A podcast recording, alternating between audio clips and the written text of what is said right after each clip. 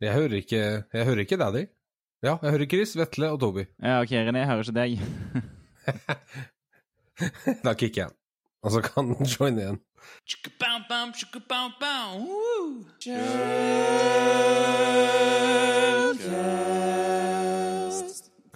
Hei og velkommen til Skjellkast. Uh, mitt navn er Melvin Lavik. Jeg jobber som penetrasjonstester i privat sektor.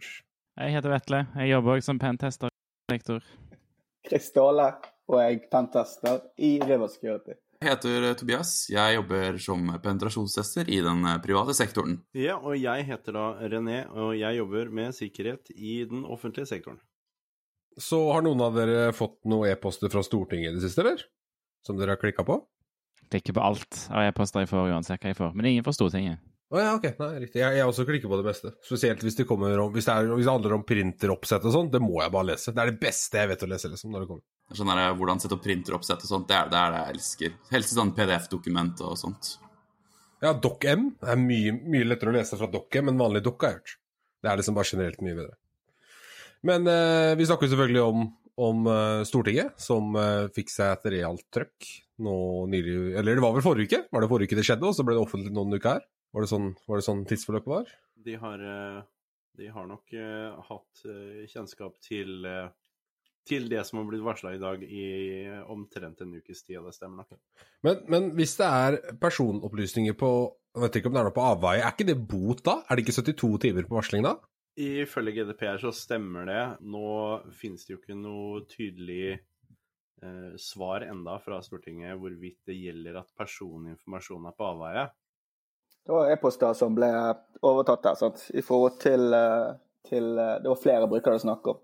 Og eh, det er jo multifaktor på kontoene, så det at de har faktisk kommet seg inn på e-postene og lasta ned e-poster, innebærer jo at det har vært litt mer sant? Kanskje, kanskje det har vært en spray mot hundretalls uh, brukere, og så har noen trykt ja på tofaktor. Eller så har det kanskje vært mer målretta med noe social engineering eller phishing inn i bildet. Men nå spekulerer jeg vilt, da. Ja, riktig, for Er det bekrefta at de har MFA på? Er det fact, liksom, eller er det spekulasjon det, Det, det de? Det, det, er, okay, det er flere som har nevnt, eh, så vidt jeg fikk med meg, da. For det jeg hørte, var en eller annen sikkerhetsekspert som var veldig imponert over at de har MFA, så, så det, det var bra, altså. Det er jo litt latterlig. altså Det må jeg bare trigge på med en gang. altså det, det Ja, men Det er lov å si. Det, det var, jeg la opp til den, tenker jeg. Ja, altså Jeg, jeg syns jo firen er fin, og kjempebra at vi skryter i Norge osv., men, men dette er altså minimum i dag. Det er minimum å ha multifaktor og ha unike, sterke passord på alle tjenester. Det er minimum. Og da skal vi på en måte ikke applaudere for mye på akkurat den bragden. da. Jeg tenker også at dette er jo organet i Norge som basically representerer demokratiet. Så ja, MFA det burde være minimumskrav. Det burde være minimumskrav på alt, og i hvert fall i, eh, i scenarioet her, uten tvil. Jeg vet ikke om det var noen av dere som eh, fikk med dere en av de litt senere nyhetene som eh, kom med kritikken fra Riksrevisjonen.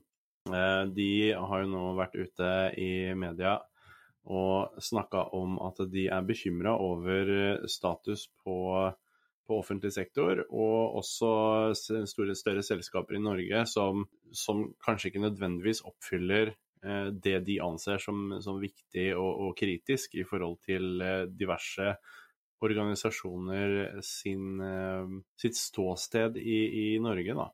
Jeg, jeg regner med at de holder kortene ganske tett på, på brystet også gjennom, gjennom hele den prosessen her nå også. Og det, det som kommer ut da til disse nyhetsplattformene, NRK og de andre er vel egentlig ikke så særlig nyhetsplattformer, men det, det, det at det liksom legger punkt på at dette kan ramme koronaberedskapen, det, det syns jeg er ganske morsomt. Det er liksom det de legger vekt på i en, et sånt brudd som det her, da. Nå er en, en av de tingene som, eh, som har blitt omtalt i den sammenhengen her, er jo også den eh, store mengden med malware, malware som blir forsøkt uh, pusha på norsk næringsliv eh, i disse dager. Og Det er også noe som vi har sett over lengre tid, og som har blitt, uh, blitt varsla til forskjellige instanser. Og det er vel egentlig i forhold til det at de nå går ut og er bekymra i forhold til eh, i forhold til dette her med koronaberedskap etc. Jeg syns det er litt morsomt at dere, du snakker om dette med, med offentlige tjenester og, og kritikkverdige forhold rundt datasikkerhet. Hvis du går på dmark.no, som er en tjeneste som NSM hoster, og skriver inn regjeringen.no, så får du eh, ganske fin respons. At, der, at domenet da verken har Dmark eller SPF satt opp. regjeringen.no. Hallo? Hei? Uff, Ja. uff, uff, uff a meg, uff a meg. ja, men det er, det er en uff, altså. Det er en uff. Big uff. Det er et godt poeng med D-mark. Det begynner å bli litt dårlig å ikke ha D-mark og SPF eh, på, eh, på domener eh, nå. I hvert fall regjeringen.no og Stortinget. De kan, det er lett å, altså, de kan brukes ganske hardt til fakes, eller til malicious. Phishing og litt. dritt. da tenker jeg sånn Hvis politikere på Stortinget klikker på attachments eller da linker fra e-poster som egentlig kommer fra Frey, hva- freyteach.com, eh, hvor gira er de da på å klikke på ting som kommer fra regjeringen.no? Ikke sant? Det, det, det er jo godt, god skremselspropaganda der, da, hvis noen har lyst til å ta den videre. Jeg vil, jeg vil se for meg at innkommende e-post har nok mer og mer sjekking enn det, ut, altså, en, en, en bar, altså, enn det D-marken skulle tilsi. da. Selv om de ikke har D-mark og SPF, så regner jeg med at de har eh, at på såpass viktige domener så har de noe mer sjekking da, og, og mer filtre på, på phishing, åpenbart phishing. Hvis du sender til regjeringen.no, så får du nok ikke ja, jeg tror ikke du kan spoofe regjeringen.no til regjeringen.no. Men det er verre liksom med sånn at du kan spoofe regjering.no utad da, til andre folk som know, jobber med folk som jobber i regjering, etc. sant? Brukte ikke Stortinget Office 365?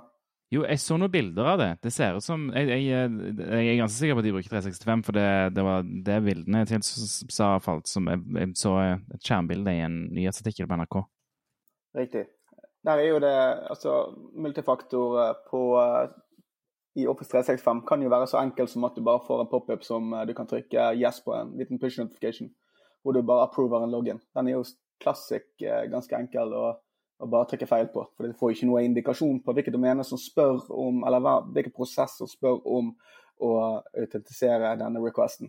For det er en av flere varianter, ikke sant, der du, du kan få SMS, eller så kan du linke opp mot uh, f.eks. Authy-appen, eller så kan du, som du sier, bruke Hva heter den Office-appen, da? Den Microsoft-appen? Microsoft Authenticator. Ja, riktig. Der du, må trykke, der du kan trykke 'godta', sånn, der du får varsel hver gang noen prøver å logge inn. Og det, det kan jo, sånn som du nevnte innledningsvis, det virker logisk at det henger sammen med et spraying attack, eller stuffing, for den saks skyld. At du bare angriper, og så bare satser du på at en av disse trykker ja når du får eh, godkjent login-forsøk. Eller ja. Jeg sjekka leaks i dag, da. Jeg fant eh, åtte leaks på Stortinget-domener fra 2020 og 99 stykker fra 2019. ja ikke sant.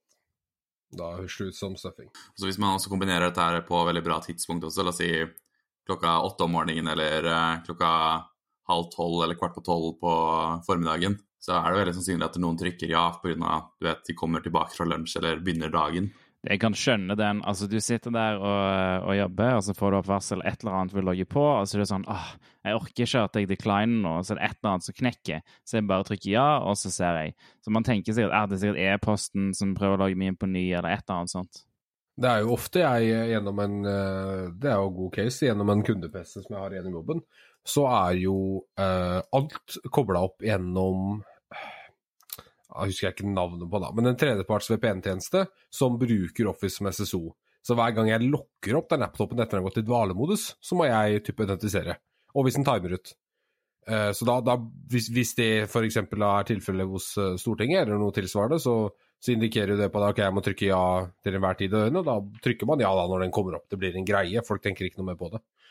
Så det, det legger jo lista her, da. Men nå, jeg ser på denne digg-artikkelen her, så, så har de lagt med e-posten, og så er det et, et Word-dokument. Har vi, noen indikasjon på at det var vellykket sånn komprimentering på, på det nivået, eller snakker vi bare om vellykkede login-forsøk på brukerkontoer? Er det noen som har noe info på det? Nei, det er ingen som har noe info på noen ting. De vil ikke si noen ting på Stortinget. De bare sa at eh, ja, nei, vi kan ikke si noen ting. Jeg tenker jo det at eh, Vi skal slutte å tenke på dette som en feil som har skjedd, og bare anta det å være business as usual. Uh, ja, Du blir hacket, og, du, og noen kommer til å få tilgang til e-posten din, så what you gonna do about it? Det er spørsmålet. Det, det blir bare verre, dette uh, crazy internett vi har lagd oss. Og, og vi finner ikke perfekte løsninger. Vi kan låse, låse, låse mens brukerne ber om det motsatte. Så det må man kanskje håpe på, er at de, de brukerne som er blitt kompromittert, at det har vært eh, kryptering inne i bildet, at det ligger på en måte en form for beskyttelse på dataen som ikke man nødvendigvis automatisk får når man logger på som en tredjepart. Kanskje. Tror dere eh, Helt enig med det du sier der. Og, og med tanke på det, sånn, tror dere vi kommer til å få innsyn i dette ettertid? Blir det offentlig hva som har skjedd, hendelsesforløp og hvordan det har blitt eh, Som du sier, da, hvis det har vært, hatt, hatt noen ytterligere kompromitteringer som følge av disse potensielle malicious dokumentene, kommer vi til å få vite om det, eller blir det bare lagt under sløret, på en måte? Det her er definitivt noe som, eh, som ikke kommer til å bli eh, lagt ned. Og jeg tror en del av dette her er jo også fordi at eh, eh offentligheten ikke kommer til å la dette her gli altfor uh, for lett unna. For hvis vi ser i kombinasjon med Nå, nå kan jeg jo bare sitere det som står på, på Digi her. Eh, er jo det at vi har sett alvorlige angrep mot minst ti kommuner i Norge. Og så nå da mot Stortinget. Og når Riksrevisjonen kommer ut med en bekymring i forhold til eh, potensiell eh, spionaktivitet i Norge, så, så, tror jeg vi kan trekke noen paralleller her om hvor, eh, hvor mye dette her kommer til å faktisk ha å si i media i en stund eh, framover. Og som eh, Chris sier her, dette her med business as, usual. Eh, det er jo definitivt Eh, ikke første gangen verken Stortinget eller noen av disse kommunene har blitt angrepet. Det som, det som jeg kan stille, stille, meg bak, er jo faktisk dette her at vi burde slutte å rakke ned og snakke om hvor dårlig sikkerheten på Stortinget har vært. Det faktum at de faktisk da kan komme ut etter en uke og varsle og eh, forklare hva det er som har skjedd, viser jo det at de har hatt sikkerhet som faktisk fungerer. Det hadde vært eh, derimot eh, litt verre hvis, eh, som man ser i flere andre eh, organisasjoner, eh, at en inntrenger til tider kan eh, eksistere i miljøet i opptil seks måneder før den i det hele tatt blir oppdaga. Ja, credit is due where it's due. Det, det, det, det, skal jeg vært si. At det, ja, selv om det kanskje virker veldig lenge for Ola Nordmann at hei, nå har det holdt på en uke, eller vi så for en uke siden og, sånne ting, det, kan virke helt absurd for en, en, en vanlig person. Og det at de faktisk tør å si at vi en, har brukt så lang tid som vi har brukt nå, eller så kort tid, da, det syns jeg egentlig bare er veldig modent av Stortinget, eller liksom fra regjeringen generelt. Jeg tenker Vi trenger ikke å kritisere det, og så heller bare si uh, uh, OK, liksom. Det er greit. Det som er veldig positivt med at det, noe sånt som dette her har skjedd, det er at vi kommer til å se en stor økning i budsjett innenfor sikkerhet også nå. Det er mye gråting og popping av champagnekorker rundt omkring, skulle jeg tro. Jeg hadde faktisk en kunde da, som, som, vi har hatt dialog med i, i, noen måneder, og så avbrøt de eh, utside til innsidetesten rett, rett rundt korona, for de ble truffet ganske hardt av det. Og så nå, da, dagen etter stortingsgreiene, så hadde Sison som jeg har hatt kontakt med, fått innslag på, med, med ledergruppa, da, at nå var det på tide å gjøre test. Jeg spurte om liksom, Stortinget hadde noe å si. Ja da, det, hadde, det var litt påvirkning der. Så jo da, det har positive utslag for vår bransje. Uh, sånn sett, absolutt. Men er det, er det, noen av dere som har tenkt, uh, tenkt, i forhold til det som har skjedd, av hva slags konsekvenser det har? Nå er det jo blitt mye hvisking rundt dette her med valgpåvirkning uh, og sånne ting. Er det noen av dere som har noen tanker rundt, rundt det, kontra bare det at stort, oi, Stortinget har blitt angrepet? Men det kan jo også være et tidspunkt å stille spørsmålene hvorfor er det vi ser det akkurat nå? Hva er det, hva er det som skjer i miljøet rundt oss som gjør det at Eh, et slikt angrep finner, finner, sted. Det kan jo være i, i eh, kombinasjon Hvem var det disse russiske, agenten, russiske agenten som ble oppdaga Uh, uten å peke noe direkte fingre mot, uh, mot, den siden, men jeg vet at det er veldig lett å gjøre det, ettersom at vi ligger såpass tett opp mot uh, russergrensa geografisk sett. Det blir jo, blir jo, så klart veldig tung spekulasjon, men Eh, hvis eh, dette er en respons av noe slag fra en eller annen eh, semistatlig aktør, eh, eksempelvis, så, eh, så, kan det jo være interessant å se eh, konsekvenser og følger, og ja, egentlig mer, mer, hvorfor, da, som du sier. Hva er dette i respons til? Om det er hva skal jeg si At de slo ned på denne norske mannen som ville gi informasjon til Det var russisk, var det ikke det? En russisk agent på en eller annen kafé. Stemmer det var russisk etterretning. Det stemmer. Eh, I Norge. Eller om det, er, om det er en mindre bagatell, eller om det er respons til noe vi ikke vet noen ting om. Eller, ja, det kan jo bli interessant å se. Vi får vel kanskje aldri vite akkurat eh, Kan godt hende vi ikke får vite hvem som står bak i det hele tatt, men, men hva det er respons til, da. Men det gikk ikke ut i dag en melding om at det var PST sa det at det var mm, mest sannsynlig nasjonssponsa, at det var statlig type At dette er en etterretningsoperasjon fra en annen stat. Det er det de frykter, står det ja, riktig. Ja, det stemmer det at det har vært, eh, vært spekulert det i, i, media, og at det kommer fra, fra NSM, ja. Men eh, det som er clouet, tenker jeg, er jo at eh, nå får noen tilgang til en drøss med e-postbokser. Og tenk hvor lang retention du har på e-postene dine i mailserveren. Du finner altså da en mail som kanskje går flere år bak i tid. ikke sant? Tenk på alle de vedleggene, alt det materialet som er blitt kommunisert til deg i forhold til kanskje gradert informasjon, passord, kanskje informasjon. Kanskje det er politikere som har hatt hemmelige forhold med andre ansatte. Kanskje det foregår dialog over e-post som er av personlig natur, som kan nå brukes i mange år fremover mot Norge og i de rette situasjonene. For å påvirke, for å skape splid, for å få sinne i kokos noen. Ja, tenk så mye, eh, tenk så mye porno på PDF-angriperne eh, finner. det er vel det. Med tanke på hvor kjedelige politikere er, så må jo dette være pornoblader på PDF som er sendt mellom på e-post, liksom. Det kan jo ikke være noe annet. Det, hæ? Så, så, ser jo jeg at uh, Adult Friend Finder har uh, faktisk uh, stortingsrepresentanter registrert. Jeg skjønner ikke folk som registrerer seg på, på, på nettsider med, med jobb-e-posten sin. Om, det, om, du jobber på Stortinget eller ei, du bruker ikke jobb-e-posten din på Adult Friend Finder. Det er rett og slett dårlig hygiene. Men uh, politikere trenger venner, de òg, da. Det skal sies. Vi kan ikke garantere for at det er dette som har skjedd. for det, som dere vet, så kan jo man registrere i noen tilfeller andre sin e-post på en side.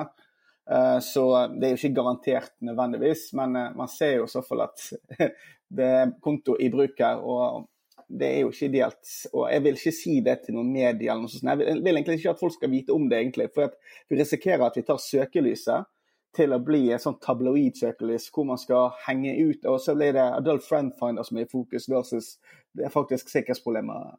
Altså Tematikken forandrer seg gjerne veldig fort. da. Eh, hva het den nettsiden som, som ble kompromittert med, med, folk som ville være utro med hverandre? Ashley Madison. Ja, stemmer. Som fikk skikkelig eh, hva skal jeg si, backlash med folk som gikk, gikk selvmord og var ikke måte på. Det, ja, det kan jo bli Det er jo også et interessant poeng. sånn. Men hvis du gjør sånn som du sier, hvis du gjør et oppslag med, med Stortinget-e-poster, eller kommunale e-poster, i, i uh, disse hva skal jeg si, like, Bridge Databases uh, lookup-sidene, tjenestene, det finnes jo drøssevis av dem. Den mest kjente er vel kanskje Have I Been Pond, Uh, som, som, ikke gir deg så veldig mye info sånn i forhold til passord og sånn, men som viser deg i hvert fall om du finnes og hvilken database du finnes i.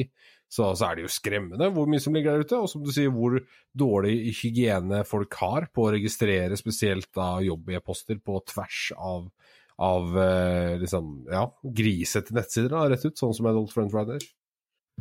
Jeg vil si det at jeg tror vi skal være glad for at vi har noe på plass, i det minste. For uten at vi hadde hatt noe som helst form for, eh, for, sikkerhet på plass hos Stortinget, så ville vi mest sannsynlig ikke visst noen ting om hva det er som har eh, blitt eh, henta ut, eh, eller i det hele tatt at de har vært kompromittert. Så det er kanskje litt sånn partisk av meg å komme fra, fra den statlige siden og si good on you, og, og, det er godt at det i hvert fall ble oppdaga. Det eneste jeg vil si sånn, på avslutten noe, noe tap, det er at de skulle ha brukt uh, en VPN-tjeneste, for da, da hadde de bare løst alt sammen. sånn som NordVPN har hørt er dritbra. Hvis du bruker det, så kan ikke cyberkriminelle se deg på nettet. Nei, nei, de bruker den der VPN Pulse Secure. Det er den beste VPN uh, eh, nylig. Transition. 10 000 ansatte ble hacka i syv kommuner i Innlandet. Uh, så jeg, tidligere, jeg tror det kom tidligere i dag eller i går. Så eh, det de sier da om det at angrepet kom fra en rekke punkter i utlandet, så det har kommet liksom fra forskjellige steder. Angrepet var da e-poster med, med uh, vedlegg som inneholder virus, eh, sa de da. Og flere ansatte skal åpne vedlegget. Eh, så de stoppa Ja, nei, jeg vet ikke hvem MSP-en er. Ja, noen har skrevet i shownotes. eh, hvor var MSP-en? Men eh, de stoppa all innkommende e-post eh, tirsdag kveld og starta det igjen på onsdag. Men da stoppa de alt av Word-vedlegg, så sannsynligvis da så har dette vært uh, Word makro uh, uh, ja, men ikke stuff. NSM opplyser at det er ikke funnet noe tegn på sammenheng mellom datainnbruddene på Stortinget og kommunen i Innlandet. Så det er jo greit at de ikke er, kobla. Det, hadde vært- det hadde vært en helt annen sak hvis de to hvis de hang sammen. Hvordan kan de ikke henge sammen, lurer jeg på. Tilfeldighet? Hva er oddsen der? Ja, men det er liksom, det er, snakk om, det er ikke snakk om liksom en spraying av et par hundre e-poster som en eller annen random russer har dumpa på, på en eller annen av disse tjenestene vi snakka om, men det er jo det er liksom tit, altså, Hallo? Det er jo stort. Trenger ikke å være russer nødvendigvis. Ja, nei, trenger ikke å være russer, altså da, men, men, men for det, da. Det er jo såpass mye som foregår behind the scenes anyways. Altså, jeg vet ikke hva med dere, men jeg jobber jo en god del i hendelseshåndtering. Altså, det, det smeller hele tiden. Og eh, det er bare få ting vi hører om i, i, som blir public. Da. Si sånn, jeg gjorde nettopp en ferdig case i dag, liksom. Og snakket med politiet i dag, og det er stor kampanje som ingen snakker om, som går mot en viss næring i Norge akkurat nå. Det er masse som skjer, så jeg tenker det at eh, det kan like gjerne være tilfeldig at det skjer dette angrepet mot kommunene og, å være vinningskriminelle som ønsker å gjøre noe, versus det kan godt hende det er koblet òg. Så du sier det er hackesesong akkurat nå? Altså, hvis vi, hvis vi tar en liten sånn hvis, vi, hvis vi tar bare en liten sånn recap det siste, siste halvåret her, så ser vi jo det definitivt at, at eh, kriminelle og statlige aktører har vært veldig opptatt, mens resten av verden har prøvd å ta på seg munnbind og gjemme seg unna covid-19. Så ser vi det at, eh, at det har definitivt vært større aktivitet hos eh, eh, etterretningstjenester rundt omkring i verden, og ikke minst yrkeskriminelle som har gjort stor business av bitcoin og, og Monero den siste, siste halvåret. Jeg skal si så at eh, Det blir mer og mer bevissthet rundt det å melde fra. ikke sant? Altså Det å gå ut og være noen selskaper som står fram, sånn som vi så med Visma, vi så det med Intersport, vi så det med NHH, vi så det med Norsk Hydro osv. Og, så og nå nylig var det et norsk Vestlandsbryggeri vestlandsbryggerier som ble hacket. og så gikk de òg ut og sa det at vi er blitt hacket, for å så på en måte gjøre dugnad og si til andre pass dere. Kanskje investere de 100 000, eh, 200 000, hva enn det skal være på infosec i året før det blir tatt. Og Det er jo veldig bra, da. Mens noen prøver å attributere det til at det blir bare verre fordi at vi hører om mer kriminalitet. Men sannheten er jo det at vi snakker om det kanskje òg veldig mye mer. Samtidig som at covid-19 selvfølgelig er en utløser her. Jeg tenker jo at det, det har veldig mye å si, som du sier. Alle, alle mørketallene når, når selskapet blir angrepet, blir utsatt for ransomware eller datatap eller uh, whatever, og ikke går ut med det på noe vis, sikkert fordi de finner et smutthull i GDPR der de slipper, ikke sant? for det er ikke personen som har opplysninger, eller du kan ikke bevise at det er det, eh, så skaper ikke akkurat det mer awareness. Det gjør det motsatte. Så, så jeg er helt enig med det du sier, at jeg, tror, jeg, jeg håper flere selskaper der ute, når de først blir tatt på senga, eh, har the decency å gå ut og, og forklare eh, at vi har blitt tatt på senga, vi har blitt hacka. Eh, se på oss, ta altså, bruk litt penger og investere litt penger i sikkerheten din. Så så gærent kan det gå. Hydro er vel på toppen der, kanskje. Hva som har gjort det bra etterpå. Det er veldig viktig å huske på at de som tjener på at ikke vi snakker sammen og får delt indikatorer og trusselinformasjon og lærer om truslene, de som tjener på det, er jo de kriminelle sjøl. Det er fryktelig vondt. Jeg synes Det som er litt sånn skremmende for, for min del, er jo det etter å ha, ha sittet, på, sittet med i den industrien her i noen år, og se at vi faktisk fortsatt snakker om behovet for åpenhet i veldig stor grad. Men det er fortsatt så mange som velger å, å være stille rundt ting. Jeg, jeg sier ikke at det ikke har blitt noe bedre, men jeg syns det er skremmende hvor lite mye bedre det egentlig har blitt, hvis man ser på Eller tar i betraktning hvor mange selskaper som er digitale nå, kontra eh, 15 år tilbake i tid. Ja, altså Jeg kan være den første til å innrømme at eh, i, i morgen så blir jeg hacket. sant? I, I, morgen så er jeg den som enten er så noldus at jeg trykte på phishing, eller at jeg blir hacket på en annen måte. Og så, Da er det snakk om hvilken grep gjør man da for å fremdeles overleve, selv om man blir hacket. Og faktisk er jo at vi, vi, samtlige her har mest sannsynlig blitt hacket allerede. I en eller annen database ligger det brukernavn, passord eller personlig identifiserende informasjon som egentlig ikke skulle vært på avveie, som er på avveie i dag. Så jeg tror vi må bare endre mentalitet mer og mer i Norge, og må bare innse det at det er ikke spørsmål om hvis, det er spørsmål om når vi blir hacket. sant? Og da skal du være klar for det, og vite det at du har ikke tapt selv om du blir hacket. Du har tapt når de kriminelle når objektivet sitt, som gjerne er en payout i form av cryptocurrency, eller at det er informasjonsstjeling, da, som er det mer og mer ut av uh, trusselbildet som handler om nå. Transition. Ja.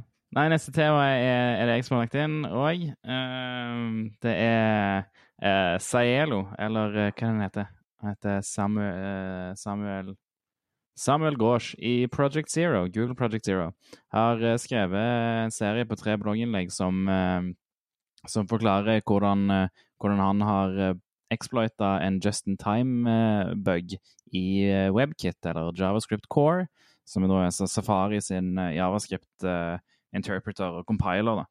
Så Det er en ganske interessant serie. Han har skrevet tidligere i, i Frack i 2016, tror jeg. 2016-2017 har han òg skrevet om hvordan man, eh, man eh, attacker javascript engines. da.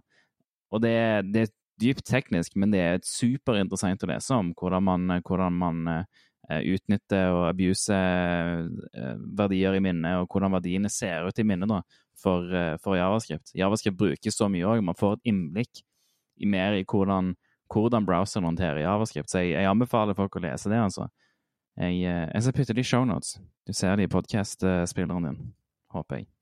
Det som også er ganske interessant, da jeg leste litt over det i, i stad, og det, det er liksom ikke bare eh, prosessen også, men han forklarer eller under den utviklingsprosessen så forklarer han hvordan compileren tenker eh, når, når den ser ting, da, og hvordan han eh, utnytter eh, de eh, funksjonene som han legger inn. Det syns jeg er ganske interessant. da. I det lille jeg har lest inn allerede. Nei, det er, er, er mye, men det er mye bra på, på Project Zero. Hvis, hvis dere ikke har lest noe av eh, Google Project Zero-artiklene ennå, så, eh, så anbefales de. De er alltid tekniske. Så hvis man liker liksom det som er ordentlig teknisk, så er det veldig gøy. Og Saelo her driver og forklarer blant annet eh, En av de tingene som er veldig interessant og veldig, eh, veldig spesifikt for sånn interpreter eh, eh, exploitation her, da, er hvordan de skaffer seg eh, read og write primitives i exploitation der man eh, på en måte du, eh, Det er en sånn primitiv som skaper som, som, som er grunnsteinen av hvordan du bruker exploiten i, eh, i en browser. Jeg regner med at det, det, det, du bruker samme primitiven for mye, mye type exploitation, men, men her forklarer hvordan man får den typisk da, i, i en browser eller i en, i en sånn interpreter-stil programvare. Det produserer jo generelt også, som du nevnte tidligere, de går jo veldig dypt inn i det. En av de favoritt-readsene jeg hadde for ikke så veldig lenge siden, det var uh, One bite to rule them all. og det var um, veldig interessant med tanke på KASLR og andre mitigations for uh, uh, kernel exploits i US. Så det, var interessant. Transition. Jeg skal kjøpe nytt grafikkort. Skal dere kjøpe dere nytt grafikkort? Første gang ever jeg girer opp nytt grafikkort, faktisk. Helt enig. Jeg har ikke kjøpt Jeg har aldri kjøpt et Nvidia grafikkort i hele mitt liv. Jeg tror dette er et bra sted å begynne. Nå kjenner jeg det at jeg ikke har vært med på, på lasset her, for jeg har ikke peiling på hva dere snakker om. Så, eh, så det som er greia, er at eh, Nvidia har hadde en live-presentasjon i går, der hvor eh, mannen i den klassiske skinnjakka eh, dro frem noen bøse grafikkort på den nye Var det AMP det het? AMP-teknologien. Eh, og han, han trasher altså da sitt forrige generasjon med å fordoble, altså en, en seriøs fordobling i performance. Og jeg tror eh, landets tech-tips måtte grave i arkivet, og det har ikke skjedd i, eh, i GPU-industrien siden 2004. Da, det var sist gang en, en ren fordobling i en ny generasjon skjedde. Eh, og ikke bare det, men, men prisene har jo også blitt slasha. Så for å si sånn, alle som kjøpte seg et 280 Ti-kort for et par dager siden, for jeg tror det kortet koster 14 000-15 000 kroner, eh, kan nå kjøpe et tilsvarende kort for, kort for 8000 kroner. Så det er, det er noen veldig bitre nordmenn som kommer til å sende tilbake kortet sitt eh, den, den måneden her. Det er jeg ganske sikker på. Så Komplett har slutta å selge hele den, 10, eller hele den 1000-serien grafikkort allerede. Jeg sjekka det opp tidligere i dag, faktisk. Men eh, 1000 eller 2000? Nei, 1000. 2000 ser de fortsatt. Men eh, Nei, jeg, jeg, har, eh, jeg har nylig begynt å spille mye VR. Jeg kjøpte meg VR når hele koronagreiene starta. Så, eh, så jeg har liksom hatt en gaming-PC jeg for to-tre år siden, men jeg har liksom aldri brukt den. Det er første gang jeg kjøpte grafikkort. Jeg var liksom bare sånn, eh, Det var noen som sa 'kjøp 1070, så er du good to go'. Så var jeg sånn, eh, all right, greit, da har jeg det. Men jeg har liksom ikke brukt den så mye. Men nå, nå når jeg har begynt å spille VR, og det er liksom et nytt grafikkort som, som er bra, så er jeg faktisk gira på å kjøpe et nytt et. Det er liksom first time. Jeg kjenner at jeg har blitt så gammel på de greiene her at når du sa det at du hvilket kort du har, så må jeg faktisk gå inn og se hvilket kort jeg har. For jeg har ikke peiling på hva jeg har kjøpt for noe. Er altfor lenge siden. Altfor lenge siden. Jeg har fire laptoper, men null stasjonære. Sjæl. Ja, helt meg også. Jeg har fire laptoper, men ingen stasjonær. Mhm. Det er noe eget med en stasjonær setup. ass. Det er bare noe eget. Beklager. Jeg driter i hvor mange dockingstasjoner du har. Det er noe eget. Jeg, jeg, hadde, jeg så aldri noe bruk for det før jeg hadde liksom en gaming, eller før jeg begynte å spille. Før jeg, og hadde liksom VR. På VR så er det greit å ha stasjonær igjen. Ja, det er ikke så mye Det er familie, vet du, sant? så du skal prøve å være tilgjengelig sånn i, i living rooms osv. Og, så og da, da er ikke den her fan på eh, stasjonær-PC-en så veldig populær. Ja, stemmer. Men jeg kjøpte en PlayStation, da, men det var ikke så veldig imponert. Men for å kjøre VR nå må du ha en dedikert altså du må ikke ha en dedikert maskin. Men det er liksom via PC som er the main thing. For jeg er ikke, jeg er ikke inne i VR i det hele tatt. Jeg, vet er, altså, du, jeg tror du kan kjøre ganske mange spill på ganske uh, gamle grafikkort nå. De, de har jo disse standalone VR-headsetene. Oculus Quest er standalone, blant annet. Og de funker jo. Du kan spille spill som Beat Saber og sånt. Men du kan ikke spille Half-Life Alex. Det er et svært spill, liksom, så da, da trenger du en stasjonær uh, og sånt. Men jeg, jeg spiller min på ganske decent grafikk med liksom gammel 1070 grafikkort, så jeg er ganske fornøyd med det jeg har til nå òg. Det har bare vært gøy å ha et bedre et. I hvert fall når prisen har blitt uh, slasha, som det har blitt på den måten der. Stemmer. Det høres ut som reklame når du sier prisen er slasha. The price is cut in half, go buy now!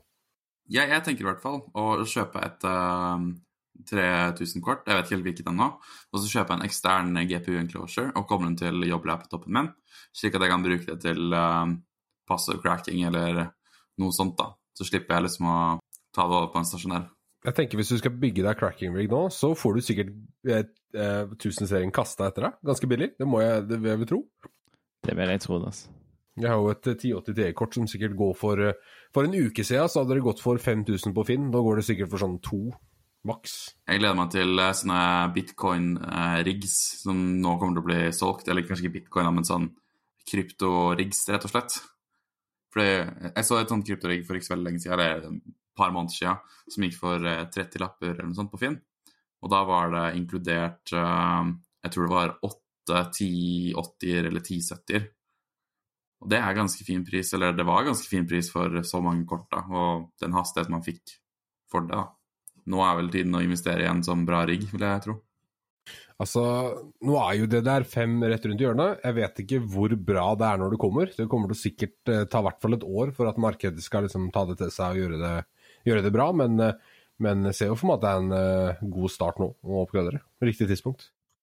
Jeg tror kanskje jeg vil vente et år til med å oppdatere CPU-plattformen, sånn i tilfelle DDR5 kommer ut. da. Og vi vet ikke hva DDR5 har å tilby ennå, eller Ja. Det har ikke vært noen rykter om DDR5 heller, så Det eneste jeg vel, har vel hørt, er jo frekvenser på sånn 4000-5000 megahertz. Nei, jo, jo, det er ikke megahertz. Jo, jo. jo Og så føler jeg at det her å sitte rundt at jeg skal vente, vente et år på, på, en generasjon som kommer, jeg føler at det er noe man har sagt hver gang en ny generasjon er på vei.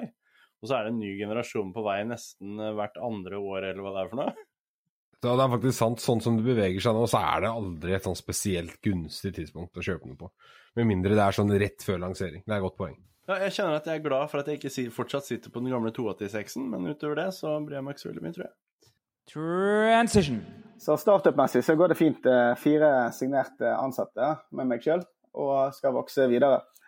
Så det, det blir kjempespennende og veldig, veldig, gøy å på en måte drive et uh, selskap uten noen eiere. No, uten noen, altså det er eiere, men uten noen uh, private equity-type venturekapital. Det er ingen som på en måte vil presse oss for å drive firma av fortjeneste, og eneste grunn vi driver er fortjeneste. Men vi får lov til å drive litt mer sånn noe slik vi sjøl har lyst til å gjøre det. Et kult selskap, litt hipt, der vi kan gjøre alt fra A til Å og sponse alle mulige prosjekter, selv om ikke det nødvendigvis er lønnsomt. Det du egentlig sier, er at du ikke har gifta deg med et revisjonsselskap? Det er det du sier? Ja, eller en teknologileverandør heller. Sant? Fordi vi har, vi har ei heller på en måte valgt en plattform som vi skal forhandle på. Så da må egentlig andre ta den jobben og selge brannmurer og EDR-løsninger osv. Men da må jeg bare spørre deg om noe som, som, jeg plager sjefen min med, for jeg mener jeg ikke får, får, det. Gir du deg selv nok tid på oppdrag, nå som du driver eget? Det som er fint, er at vi selger prosjekter typisk som et fastprisprosjekt.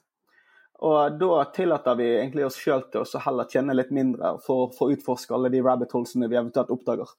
Mens det jeg merker når vi selger noe på timesbasis, er at det blir sånn her eh, det blir sånn kjedelig for at du føler at du eksperimenterer på kunde sine penger. på en måte. Og du har ikke lyst til å liksom, ah, overskrive på en måte eh, estimatene så mye. da. Mens når man på en måte har en fixed price, så, så fortjener man, så har man på en måte mye mer muligheter til å bare gjøre full exploration. Så loggfører vi på en måte alt vi gjør, slik vi loggfører exploration i tillegg. Veldig teknisk sånn logg som vi leverer med rapportene. Og da blir jo det på en måte verdi som vi gir tilbake igjen, samtidig som at vi fikk tilgang til å utforske enda mer i noen av de systemene som er kjempespennende. sant? Gotcha. Ja, det virker jo uh, fortrinnsmessig sånn i forhold til at det, nå, Du føler sikkert mer på det nå, nå som du driver eget, at du virkelig må stå inne for verdien og kvaliteten du leverer til kunden. Og da er jeg enig i at hvis du trenger de to dagene ekstra, så, så bruk dem. Istedenfor å, for å tenke på hvor mye profitt du skal ha. Hvis du får en gig til og, og det, det, går bra, så er jo det bedre. Ja, ja. Altså, det, det, er jo absolutt veldig viktig her også å sikre altså, Hvis ikke man har fått testa hele omfanget av testen, sant, så må man uansett gjøre seg ferdig med det. Og testen må gjøres ferdig i forhold til det som jeg kaller for eh, minimum variable. Det som er aller minste du må gjøre. Og det er jo en del fussing, det er en del skanning, det er en del sjekker som skal gjøres uansett på hvert eneste skript i 100 av omfanget. Det må være mi minimum. Og så kommer uh, da på en måte pentest-jobben oppå der igjen, å være gravemaskin som utforsker osv. Og, og da kan man bruke veldig lang tid av og til hvis man ikke klarer å avgrense seg. Men da har vi en prosess da, der vi på en måte løfter det opp til uh, et internforum, hvor vi sier at vi har sånn og sånn skript, sånn og sånn bites som skaper sånn og sånn output. Eh, trenger brainstorm, og så får vi konkludert og moved on men det er viktig. Jeg må, jeg må, bare få lov til å spørre, for når jeg, når jeg leste om uh, startupen deres uh, for første gang, så, så, tenkte jeg i min stille sinn at det, jeg lurer på om, uh, om, dere på noe tidspunkt følte litt på det at dere plutselig ville kunne få de samme mulighetene som Fobos skapte, skapte, for seg selv i, på et tidspunkt. For de driver jo mer med å sånn APT, simulation attacks og litt sånne type mer interessante ting for de av oss som da er er glad i pentesting og red teaming og sånt nå, utover kanskje bare disse vanlige eh, analysere kildekode og den type, type, oppdrag? Ja, det er ikke mulig det. Altså, jeg har jo et veldig stort kontaktnettverk, da, både internasjonalt og nasjonalt. Så vi får veldig mye interessante oppdrag òg eh, i Red Team-klassen, som, som ikke er levert på ennå, men som det snakkes om. da. Men i forrige arbeidsgiver og i Nettsecurity så hadde vi et par sånn type Red Team-leveranser. Eh, men eh, jeg vet ikke om du snakker om mer de simuleringene som type Site, IO og andre driver på med. Eh, jeg kjenner ikke shit. Ja, for jeg tenker litt, De har jo et par sånne, de har jo tatt et par oppdrag hvor de, de kjører en full sånn APT-simulering, hvor de da bruker alle de mest dirty triksa som finnes i bøkene, f.eks. For, for å nå et mål som kanskje en vanlig pentest man holder seg litt unna, litt unna i, i, forhold til dette at de er redd for å ta ned tjenester etc. Ja, riktig. Ta ned tjenesten er ikke vi så veldig redd for, det skjer av og til det. Eh, men da skjer det kontrollert, og da har vi loggført hvordan det skjedde. Og, og, kan på en måte fortelle kunden at uh, hvis ikke dere gjør noe med dette, så sitter angripere med potensielt kontroll ut av tilgjengeligheten på plattformen deres. Så det, det, er noe greit nok, og det skjer av og til at ting detter ned, selvfølgelig. Men når det kommer til red team engagement så er og APT-simulering osv., så, videre, så er jeg faktisk så uh, grei at jeg sier det til vet du hva, Gidder vi å teste phishing i det hele tatt? Gidder vi å teste social engineering på noen slags måte. Gidder dere la oss bryte oss inn i fabrikken deres når vi vet vi kommer til å lykkes i det likevel. Så hvorfor ikke bare gi oss en plugg, gi oss en laptop, gi oss noe aksess, og så hjelper vi dere å bygge liksom fra innsiden opp litt mer defense in depth og måter å faktisk overleve det syns jeg er litt kjekkere enn å på en måte starte med noe som vi vet virker. Selv om det er fett av puls i 180 når du gjør innbrudd, eh, så, så, er det på en måte det, det, er for mye som er opp til tilfeldighetene om det virker eller ikke. Og det vil mest sannsynlig virke, så hvorfor ikke bare anta at det kommer til å virke, og gå rett på der vi kan gjøre noe med problemet, løsninger. Da fronter du egentlig til kunden at du kan spare både tid og penger. Så det er jo veldig positivt. Eh, Men det skal jo sies at det kommer jo veldig an på modenheten til kunden du approacher. Det kan jo være kunder som har, som der, der du kan eh, levere reell verdi ved å forsøke å gjøre innbrudd, ved å forsøke å gjøre sosial manipulering, fordi de f.eks. har en egen sokk da, eller et eget blue team som skal, som skal håndtere slike hendelser, eller som har ansvar for den fysiske sikkerheten i tillegg til eh, infrastruktur og sånn. Så men det, jeg tror det kommer det, er jo litt eh, Tror jeg, da, uten at jeg vet det, så tror jeg det er litt av problematikken i Norge. At ja, det er dritfett å kunne få lov til å gjøre disse red team-øvelsene der du i, i teorien ikke har noen sånn hardt definert scope, du har bare rules of engagement. Men det finnes veldig, veldig for det første få bedrifter som er villige til å la deg gjøre det, og som i det hele tatt eh, kan få verdi ut av det. Fordi de ikke har en egen sokkel, eller et eget blue team, eller har lagt eh, penger i ressurser i å sikre det. Så da er jeg helt enig med Chris i forhold til at mot disse kundene så er det jo bedre bare eh, droppe en, en Raspberry Pi på innsida med, med VPN-tilkobling, eller, eller bare Zoomer Breach, da. Ja. Jeg hadde faktisk ikke noe follow-up den. Jeg, tenkte, jeg var bare mest sånn interessert, for jeg tenkte at eh, eh, når du først har muligheten til å starte noe eget, da, eh, og har muligheten til å faktisk eh, ta stilling til hva det er man ønsker å ta av oppdrag og sånne ting, eh, hva, hvordan, hvordan oppleves det i forhold til eh, det å kjøre en sånn startup eh, som dere har gjort nå, kontra det å på en måte bli tredd litt oppdrag over huet på, på dere av en arbeidsgiver. Det må jo kjennes ut som en, kjennes som en frihet, men er det, er det også eh, Føler dere noe på, det, på risikoen ved å, å velge feil type oppdrag? Ja, altså um, Vi er ikke de som vil på en måte drive altså, Du vil se det at vi driver ikke nødvendigvis for oss for mest mulig income, men det er mer mest mulig rette løsninger til de rette kundene, slik at kundene kommer igjen og sprer det glade budskap type tankegang. Så det som vi gjør faktisk er vi, vi leverer i mye større grad mikroleveranser som vi tjener mye mindre penger på enn en stor leveranse, og prøver egentlig å overbevise kunder om å vet hva, ikke bruk masse penger på oss før du har testet oss og før du vet hva vi er gode for. Og Det vi typisk ønsker å starte med i et kundeengasjement, er å fortelle kunden noe om den digitale angrepsflaten. La oss fortelle deg hvilke assets har du, hvilke lekkasjer har du, hvilke sårbare servere ser vi utenifra, uten at vi trenger å gjøre noe pentesting whatsoever. Så gir vi på en måte et kart til kunden som sier at det dette var vi tenkt å bryte oss inn. Men gjør noen fikser først. Kanskje vi snakkes om tre måneder, og så ser vi på hvordan faktisk bygge Infosec hos dere. Og det er ikke sikkert det løses med en pentest. Det kan hende det løses med arkitekturendring, rett og slett litt sånn consulting, og gå inn og rette problemene upstream, som vi kaller det. Det her har navnet River Security òg. Vi skal oppstrøms og fikse root causes. og det lar seg typisk se Vi kan typisk ganske ofte se store svakheter i bedrifter eh, kun ved å gjøre digital kartlegging. Jeg må, må si at uh, OSINT er en av de favorittdelene i, i jobben min. Det å bruke såpass mye lang tid, eller bruke tid på å kartlegge hvor eksponert eh, selskapet er. og så no, Noe litt personlig også da, på, på personer i selskapet også, og se hvordan de er eksponert også. Det syns jeg alltid er veldig interessant. da. Du kan gå sykt langt her, og jeg syns jo dette er den viktigste prosessen innenfor penetrasjonstesting. Det er diverse kurs og og bloggposter osv. Det vil si sånn at de forteller deg at rekon og skanning, og nummerering osv. er den jobben som på en måte er minst verdi på, den som bruker fortest, den du bruker minst tid på og minst verdifull gjerne. Men for oss er det helt motsatt. Uh, hvis du ser forhold etter hva verdi kunde får og hva verdi pentesteren får, så er det så ekstremt mange synergier og mange gode ting her. Jeg vet ikke hvor mange ganger dere jobber på en pentest. Jeg forsto sånn at det, det var masse pentester. Men har du noen gang gjort en pentest der du sitter i oppdraget, og så tenker du at faen, det er ikke her jeg skulle brutt meg inn, det er egentlig her borte. Alt det juicy stuffet som vi finner underveis, det får ikke lov til å ta på, for det er out of war scope. Men det du er liksom sittet til pentest, det er det du skal forholde deg til. Og du vet med hånden på hjertet at det er der cyberkriminelle kommer til å bryte inn. Det er på en måte på de, de løsningene du ikke får lov å ta i. Det er litt kjipt. Det er jo godt input til kunden. Kriminelle har ikke scope. De har ikke moral. De skal kun nå verdien de prøver å, prøver å ta. Enkelt og greit. Ja, litt tilbake igjen til OS-int. Jeg synes eh, De gangene jeg har gjort OS-int før en pen-test, eh, gjort ordentlig OS-int, så er det så gøy, for du kommer inn, og så ser du liksom, så ser du de systemene du har sett i OS-inten før. det er sånn, Du ser ah, det er den inhouse-applikasjonen som vi vet er kobla opp mot de greiene der, av en eller annen dum grunn. sant? Og så ser du de tingene du kjenner igjen, og så er det bare litt sånn gøy. Du kjenner sånn ah, 'Jeg har gjort uh, masse OSint, og jeg kjenner igjen alle disse tingene'.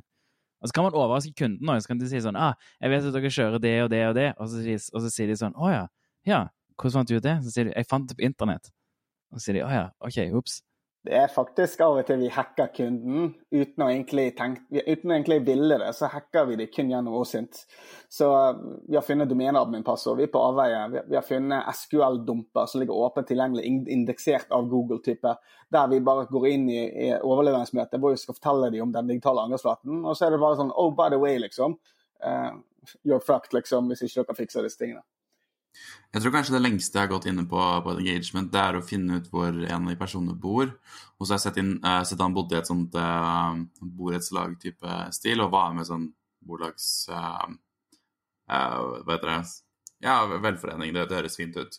Um, og så sett på de også, da.